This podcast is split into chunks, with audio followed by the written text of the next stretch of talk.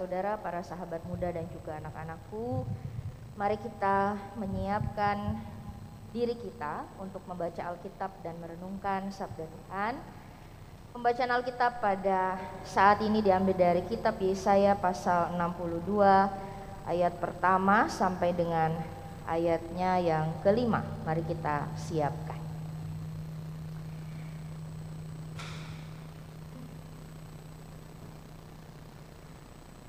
Mari kita memohon pertolongan Allah Bapa, Anak dan Roh Kudus di dalam doa.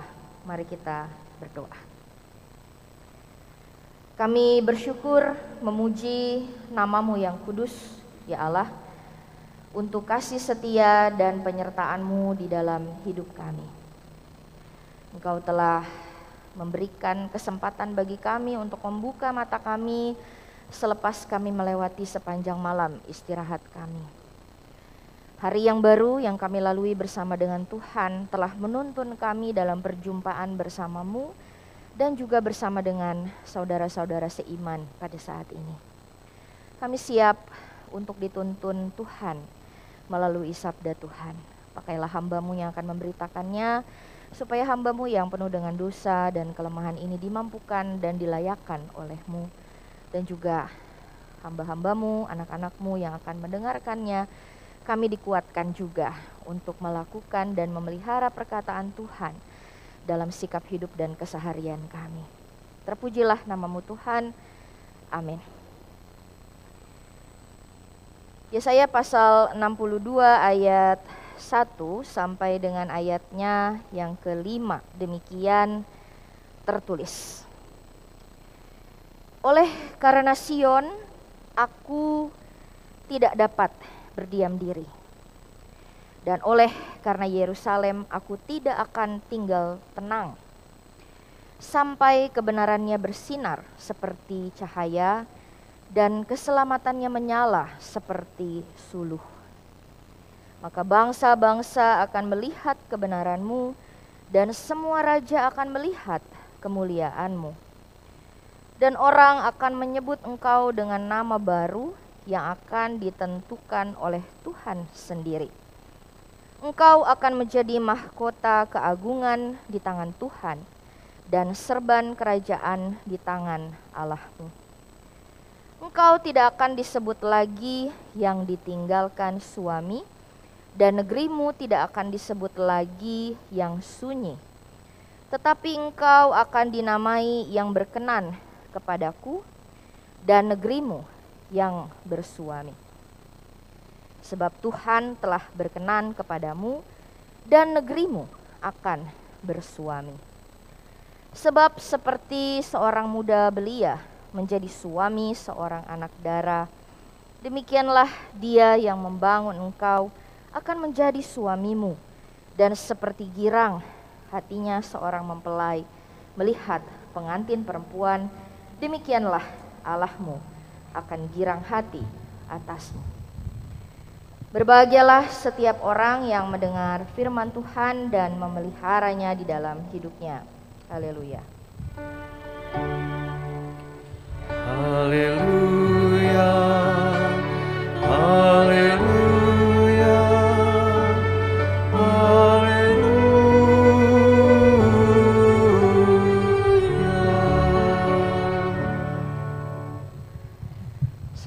Pagi Bapak Ibu, eh, saudara-saudara, sahabat-sahabat muda dan juga anak-anak, baik yang hadir di gereja maupun yang bergereja dari rumah.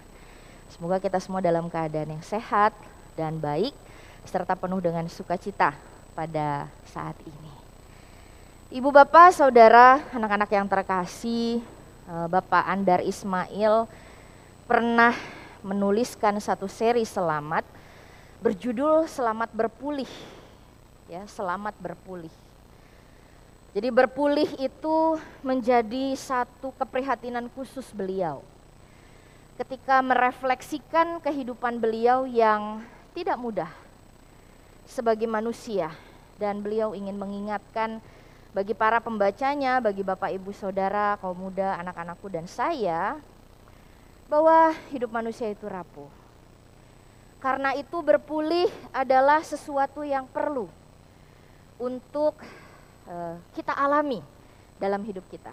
Karena sebenarnya mau kita katakan kondisi kita sehat-sehat saja atau baik-baik saja, sebenarnya setiap hari kita berpulih. Melalui apa? Misalnya, kita berpulih ketika kita tidur. Waktu kita kita kita tidur, sebenarnya kita sedang berpulih memulihkan sel-sel tubuh kita yang rusak, memulihkan tubuh kita yang lelah. Ya. Jadi kalau kita mengasumsikan atau menganggap soal berpulih bukan hanya e, asosiasinya atau hubungannya pada orang-orang yang dirawat di rumah sakit. Kita yang tidak dirawat di rumah sakit saja dalam kondisi yang puji Tuhan sehat, sebenarnya sedang dipulihkan Tuhan setiap saat. Maka kalau misalnya di dalam ibadah minggu kita ada bagian soal pengakuan dosa, sebenarnya ini mau menunjukkan pada Bapak Ibu Saudara dan saya anak-anakku bahwa kita diingatkan siapa diri kita. Gitu. Ya. Kita diingatkan bahwa pemulihan itu harus berjalan menyeluruh. Karena mungkin saja tubuh kita pulih, ya. Kita bangun segar, tetapi belum tentu batin dan roh kita berpulih. Kita sehat, bangun, tapi dengan muka yang muram. Dengan pikiran yang penuh dengan persoalan. Atau malah mungkin gak bisa tidur. Justru karena batin kita sama mental kita belum pulih. Kita kan gak bisa menyangkali bahwa sebagai manusia kita bisa terluka dan terganggu ya karena marah, karena luka, karena perilaku orang-orang di sekitar kita, karena perjumpaan kita dengan yang bandel-bandel di jalan ya, karena kecemasan, kekhawatiran kita. Ini sudah corona, delta, muncul lagi omikron ya. Meskipun katanya omikron, katanya jadi varian terakhir ya untuk memberi pengharapan ya bagi kita dan kita amini saja dan kita imani saja hal itu. Tapi kita masih berpacu dengan waktu.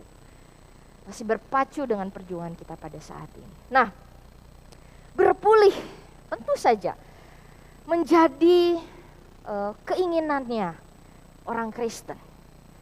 Mau Ibu Pendeta berpulih, saya mau. Makanya kalau sakit kita ke dokter, ya kan? Nah, kalau spiritual kita atau roh kita butuh dipulihkan, kita datangnya pada siapa Bapak Ibu? Kalau spirit kita atau roh kita sedang ada problem, ada masalah, kita datangnya sama siapa? Sama Tuhan. Sama Tuhan, sama Tuhan Yesus. Untuk apa? Untuk mendapatkan pemulihan. Tapi bagaimana cara spirit kita, roh kita dipulihkan? Tadi ada lagu. Ya tidak pernah, ya tidak pernah Tak pernah ku ditinggalkan. Nyanyi sih nyanyi ya Bapak Ibu Saudara. Tapi apakah kemudian pujian itu betul-betul keluar dari hati nggak? Jangan-jangan kita tak pernah ku ditinggalkan. Ah masa iya gitu. ya. Jangan-jangan kita sedang nggak percaya nih sama Tuhan begitu berat dan tantangan yang menanti di 2022 ini katanya ya. Dengan begitu banyak lika-liku persoalan, kecurigaan kita tentang kehidupan. Nah, Ibu Bapak yang terkasih, bagaimana Tuhan memulihkan roh kita? Dia memulihkan kita ketika kita datang padanya untuk mengakui segala dosa-dosa kita. Yesus pernah mengatakan, bukan orang sehat yang perlu tabib, tapi orang sakit. Jadi berbahagialah kita yang kita tahu bahwa kita lemah, kita rapuh, kita berdosa. Lalu kita datang dan mau dengan jujur mengakui segala dosa itu di hadapan Tuhan. Itulah bagian dari kerapuhan kita sebagai orang Kristen, sebagai manusia. Kita sadar bahwa diri kita ini nggak sempurna. Hanya dengan itu kita bisa pulih. Karena kalau kita datang ke dokter saja, Biasanya dokter tanya apa, Bapak Ibu Saudara, anak-anakku? Dokter akan tanya apa yang dirasakan Bapak Ibu. Ya kan? Gejalanya apa Bapak Ibu? Kenapa badannya Bapak Ibu? Kan gitu ya. Sekali saja Bapak Ibu Saudara bilang, "Oh, Dok, enggak, saya iseng doang. Enggak ada masalah." ya udah, dokternya nggak bisa sembuhin kita. Tapi kalau kita datang pada dokter bilang, dok saya tuh nggak enak badan loh, perut saya ini sakit loh, pala saya pusing loh. Oh gitu ya bu ya, berarti ada masalah ya bu. Iya dok, saya harus mengatakan bahwa ada problem. Gitu. Jadi pengakuan dosa itu mau mengajar bapak ibu saudara dan saya, ini ada masalah, saya mau Tuhan tolong. Dan saya sadar Tuhan saya nggak bisa nolong diri saya sendiri, saya butuh Tuhan. Hanya di dalam Tuhan saya bisa menemukan kekuatan baru untuk menjalani kehidupan. Dan saya percaya Bapak Ibu Saudara baik yang ada di sini maupun di rumah saat ini beribadah itu untuk mencari. Pastinya bukan mencari pahala ya, bukan. Atau mencari apa? Mencari keuntungan. Wah, jangan ya. Gitu pasti mencari Tuhan. Karena membutuhkan Tuhan. Jadi kalau gereja khawatir sekarang, nanti gimana Bu Pendeta ibadahnya di rumah wae gitunya kumaha eta nu di rumah teh masih masih senang gak pergi ke gereja itu tergantung dari batin masing-masing kalau masing-masing mencari Tuhan dia akan mencari Tuhan dengan segenap hatinya jadi ibadah itu harus membawa kita datang kepada Tuhan itu yang menjadi pekerjaan rumah gereja membawa umat merasakan kehadiran Tuhan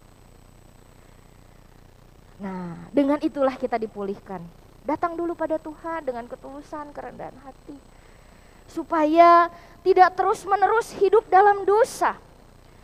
Karena dalam Yesaya yang kita baca pada saat ini, memang pemulihan itu terjadi untuk mengingatkan kita. Jadi Yesaya itu mau mengingatkan Bapak Ibu Saudara dan saya, enggak enak loh hidup dalam dosa, enggak.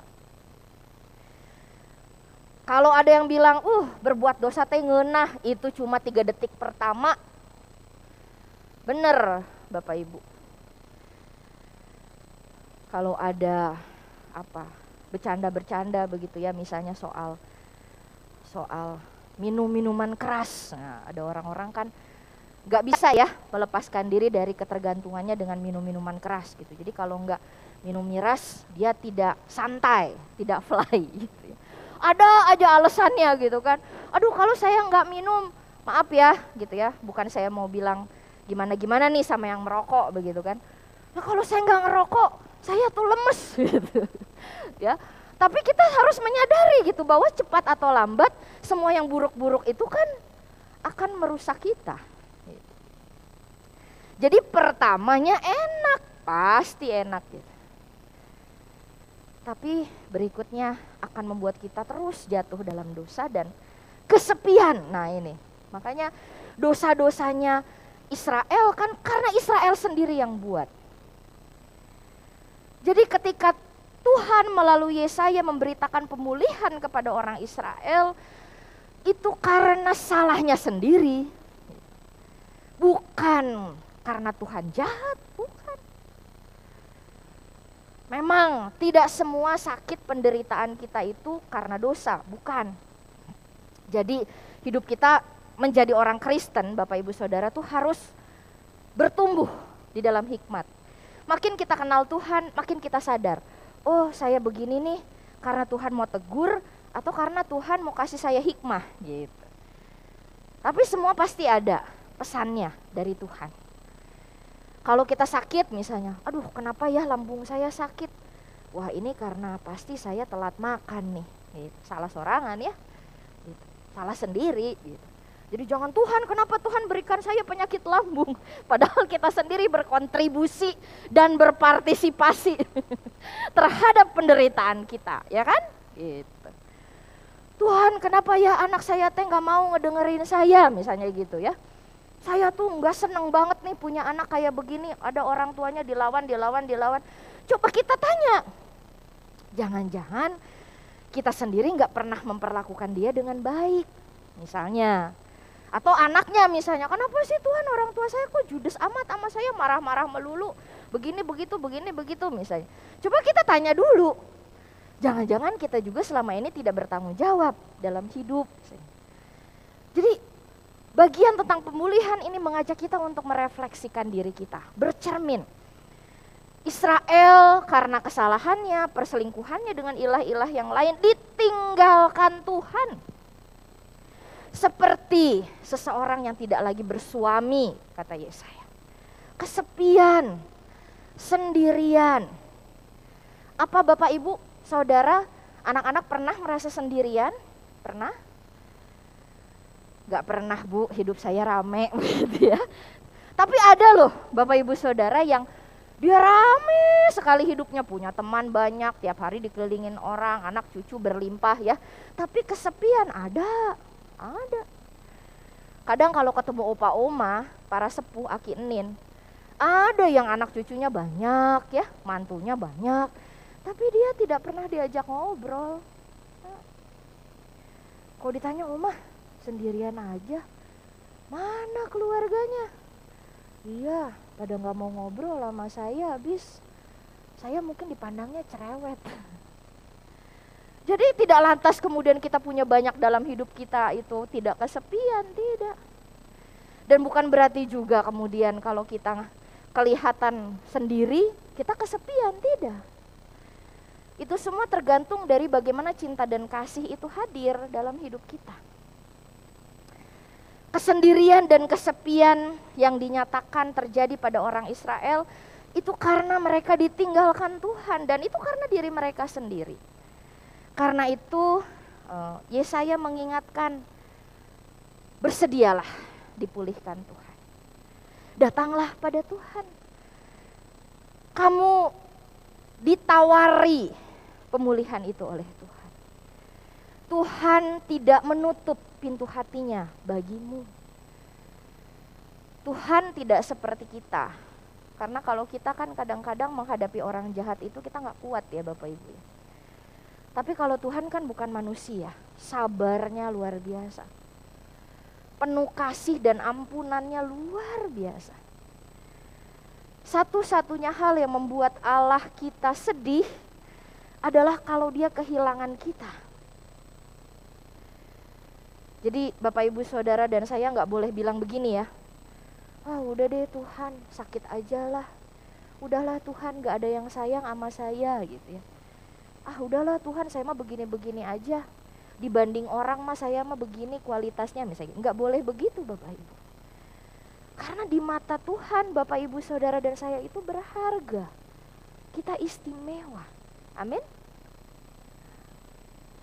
Kita unik, istimewa, berharga. Tuhan tidak ingin satu pun dari kita kehilangan dari hadapannya. Nah karena itu, mari kita resapi sabda Tuhan pada saat ini dengan merespon ajakan pemulihan dari Tuhan. Sehingga kemudian terang itu bisa kembali bersinar dalam hidup kita. Oh terang itu kesuksesan ya. Terang itu adalah uh, apa rezeki nomplok ya Bu Pendeta. Nah kadang-kadang orang itu kalau hidupnya diterangi Tuhan asumsinya sama hal yang ujuk-ujuk. Nah, saya baru tahu ujuk-ujuk ternyata bahasa Sunda ya. Ujuk-ujuk. Dari yang ujuk-ujuk, ujuk-ujuk sehat, ujuk-ujuk kaya, ya kan? gitu. Kita lupa, jadi akhirnya kita jadi Kristen ujuk-ujuk akhirnya. Wah, yang dulu-dulu mah nggak penting, yang penting sekarang ujuk-ujuk kan begitu ujuk-ujuk tobat. oh, orang nggak tobat tuh ujuk-ujuk ya, dia butuh proses. Nah, mari kita melihat bahwa berkat Tuhan itu nggak ujuk-ujuk. Berkat Tuhan itu alfa dan omega sudah dari awal, sedang, terus, dan akhir. Akan terus. Sampai nanti Bapak Ibu Saudara, saya dan anak-anak sudah tidak ada lagi di dunia ini pun, Tuhan tetap bekerja mendatangkan kebaikan buat seisi ciptaan ini. Jangan pernah percaya dengan perkataan orang, Tuhan gak sayang sama dunia, Tuhan sedang membenci dunia, Tuhan sedang menghancurkan dunia, Tuhan marah pada dunia, Tuhan menolak dunia. Enggak, Tuhan baik. Terus kenapa masih ada ini Omikron? Ya enggak tahu. Kan ada banyak misteri ilahi yang terjadi kan dalam hidup kita. Tapi bagian kita adalah menyadari keberadaan dan kehadiran Tuhan untuk terus dipulihkan. Jadi nggak apa-apa Bapak Ibu Saudara anak-anakku kalau kita mulai tahun ini dengan keadaan yang nggak perfect, nggak sempurna. Yang lain staycation, saya stay at home. ya kan? Yang lain kok punya yang baru, barang-barang saya mah daur ulang gitu ya. Itu bukan masalah itu loh. Terang dan kebenaran Tuhan itu. Terang dan kebenaran Tuhan itu bicara soal pemulihan. Pemulihan apa? Tubuhnya iya. Batinnya juga iya, jiwanya juga iya. Jadi saya oke okay aja sih Bu Pendeta meskipun hari ini makanya nasi aja sama ceplok telur. Ya puji Tuhan, itu berkat dari Tuhan. Bu Pendeta kemarin karena harus usaha baru jadi mobil saya dijual. Ayah nama saya naik angkot aja ke gereja, itu juga berkat. Bu Pendeta tahun ini saya lagi seret jadi nggak bisa kasih banyak-banyak sama Tuhan persembahannya ya saya bisanya segini tapi saya beri untuk syukur saya nggak apa-apa yang terpenting hati kita mengarah kepada Tuhan. Dan untuk lihat hati yang mengarah pada Tuhan itu ya bagian refleksi kita masing-masing. Jadi tema hari ini berkarya walaupun menderita mau mengingatkan kita. Mari kalau ada hal-hal yang perlu kita berdamai dengan Tuhan, kita berdamai supaya kita pulih ya. Supaya hati kita terang benderang. Supaya kita enak ya sama sama Tuhan dan juga sama orang lain. Bapak Ibu pernah nggak satu rumah misalnya gitu? Tapi nggak ngobrol bertahun-tahun. Misalnya sama kakak sama adik pasangan mungkin ada ya yang mengalami itu Dulu waktu di jemaat Tangerang ada satu anggota jemaat yang kakak beradik cuma tinggal apa beda kamar tapi satu tahun nggak pernah tegur sapa. Bayangkan bapak ibu. Dia nggak enak sendiri setiap kali saya bicara di atas mimbar. Lalu waktu kunjungan dia bilang Bu Pendeta, saya tuh sebenarnya nggak pernah ngobrol lagi sama adik saya. Oh udah berapa hari bu? Satu tahun. Waduh. Terus kalau makan gimana? Kan repot ya gitu mungkin sih udah kebiasaan tapi kan hati kita nggak enak gitu. Jadi mari kita bawa pemulihan itu. Pemulihan di dalam hidup kita. Pemulihan di dalam perilaku kita. Relasi bersama sesama. Carilah kebenaran. Jangan pembenaran. Kalau kita cari pembenaran terus kita akan jadi orang kesentomat. Tobat kumat lagi tobat kumat lagi kayak kapal selam ya munculnya setahun empat kali waktu perjamuan. Atau munculnya ya sekali-kali aja kalau lagi Natal tahun baru atau perjamuan kudus atau Paskah gitu ya. Banyaklah ya orang-orang Kristen tapi bukan yang di sini ya kan? Begitu. Jadi itu kalau kita terus cari pembenaran jangan. Mari kita cari kebenaran.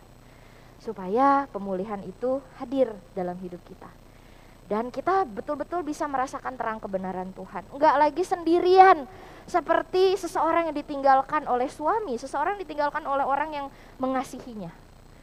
Hidup dengan baik, harmonis dan indah bersama-sama dengan sesama kita.